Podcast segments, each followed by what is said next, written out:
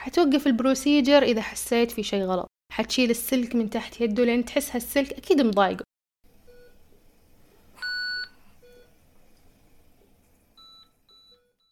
تأتيكم هذه الحلقة برعاية بزنس هب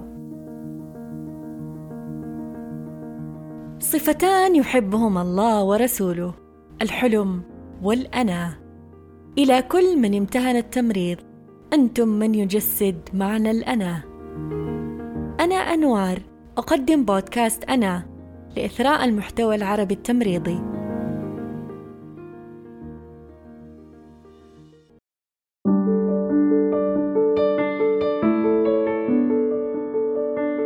أنا بدي أنقل لكم تجربتي هالحلقة كممرضة عناية مركزة. العناية المركزة أو ال intensive care unit. ما تعرف بال ICU اختصارا. هي القسم المعني برعاية الحالات الحرجة والغير مستقرة واللي ممكن يتغير وضعها خلال غمضة عين. واللي يميز هالنوع من الحالات إنها ممكن تكون معقدة. غالبا مرضى العناية المركزة قد يصابوا بخلل وظيفي مفاجئ لأحد الأعضاء مثلا الرئة فيحتاج تنفس صناعي أو الكلى فيحتاج غسيل كلوي. كل هذا يتم داخل العناية طبعا. العنايات المركزة بدايتها كانت في بوسطن. كأول عناية مركزة تم إنشائها كانت بسعة ثلاثة أسرة فقط.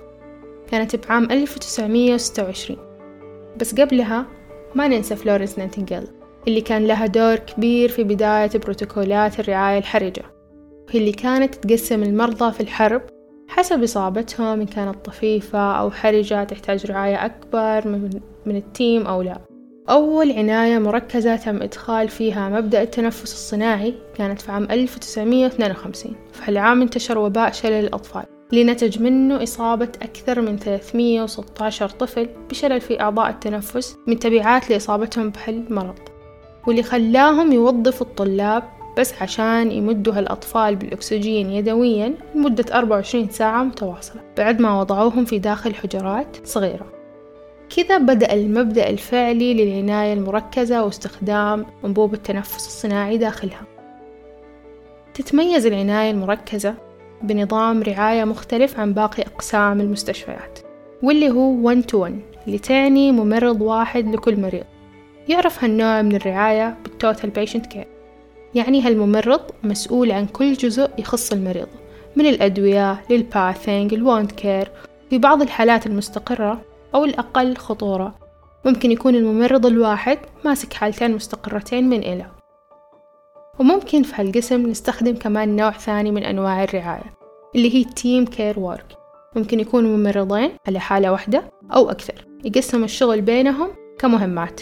هالنوع من الرعاية شفناه كثير في فترة وباء الكورونا واللي كان بسبب الضغط الكبير وقلة الممرضين يتم تقسيم الشغل بينهم كمهمات. كل شخص يكون مسؤول عن شيء واحد أو اثنين لمجموعة من المرضى.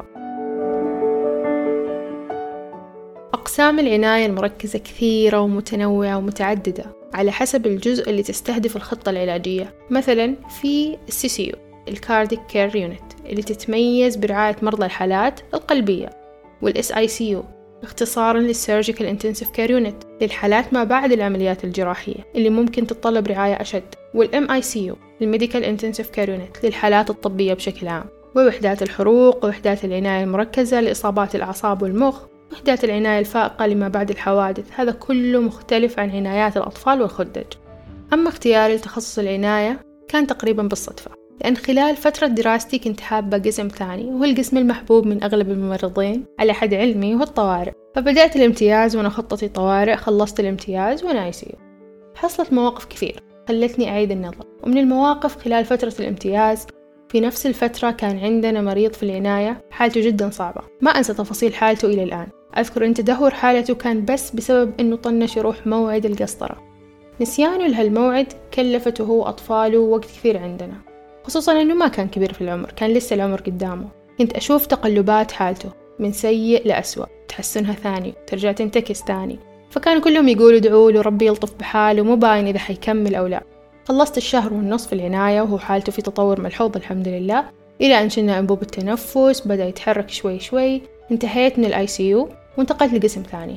وصادف خلال فترة وجودي هناك إن هالمريض جاي عشان يعمل check up كان ماشي على رجوله ويتناقش معنا. ما أنسى فرحتي وقتها وأنا شايفته. ومبسوط. وهو كان من فترة مو بعيدة كان ما يقدر يفتح عيونه. بهالموقف حرفيا خطرت في بالي آية يحيي العظام وهي رميم. فشفت من جد إن التعب اللي تعبناه أعطى ثماره. شغلنا ما راح هباء منثور. هالقسم تعلمت كثير تغيرت نظرتي بكثير أمور. تعلمت أن كلمتي كممرض تفرق في حياة المريض. في تدخلات ما تحصل إلا بعد ما يتم سؤالي as a primary nurse. من خلال التقييم تبعك للحالة إيش تشوفي؟ وبعد موافقتك ممكن يتم هالإجراء ولا لا؟ يا تقنعيهم أو يقنعوه أذكر موقف مع حالة كنت ماسكتها كانت على جهاز تنفس. كانت من الأساس صعبة في إدخالها الأنبوب وكان حسب الخطة أنه مفروض إحنا اليوم حنسوي لها إزالة لهالأنبوب في الموعد المحدد. كانت الحمد لله متحسنة مقارنة بالأيام اللي قبل وباي كوماند آه، نسبة الوعي عندها مرتفع. لكن لما جينا الموعد المحدد المفروض يتم إزالة الأنبوب فيه قدها تغيرت. كانت شوية تعبانة نسبة الوعي عندها منخفضة. فكان معدل النزيف عندها مرتفع. جاني إحساس إنها ما راح تتحمل. فكلمت الاستشاري ما أظن إنها راح تتحمل. وممكن نضطر نعمل ثاني. وحالتها ما تسمح بهالمجازفة وافق الاستشاري وتم تأجيلها. بس اللي حصل إن الشفت اللي بعدي عملوا لها إزالة لهالأنبوب. وما تحملت. واضطروا يعملوا من جديد أنبوب ثاني. بس خلال هالفترة بما إنه معدل النزيف عندها عالي كانت تنزف خلال آه، إدخالها الأنبوب وتوفت لحظتها الله يرحمها. وبهالموقف تعلمت إنه كلمتك كممرض تفرق بحياة إنسان وعيلة بأكملها. العناية المركزة للأمانة هو قسم صعب شوي. مو شوي كثير يعني متعب نفسيا. لكن هالقسم فيه تجسيد المعاني كثير في الحياة. علمني حرفيا كيف أكون محامية لهالمريض قد ما أقدر. كيف أعمل شغلي خالصا لوجه الله. لأن هالمريض ما يقدر يشكرني بوضع الحالي. لأن غالبية اللي نتعامل معهم فاقدين للوعي. حاسس باللي تسويه في بعض الأحيان لكن ما يقدر يقول لك شيء. ما يقدر يشرح ألمه أو إنه بحاجة إنك تقلبه أو إنه حاسس بشيء مضايقه. أنت بهالقسم حتكون عيون المريض ويده ورجوله حتى قلبه. حتوقف البروسيجر إذا حسيت في شيء غلط. حتشيل السلك من تحت يده لأن تحس هالسلك أكيد مضايقه. زي ما أنت تتضايق لما يكون في شيء تحت يدك وقت نومته. حتطمنه وتهديه وقت خوفه من أصوات الأجهزة والإزعاج المفاجئ. حتى لو ما أعطى ردة فعل صريحة. إحنا ملزومين نتعامل معهم كأنهم أشخاص واعيين. لازم نعطيهم خبر قبل أي شيء نعمله مهما كان بسيط. يا عم ترى بديك الدواء دحين. رغم إنه ما راح يرفض.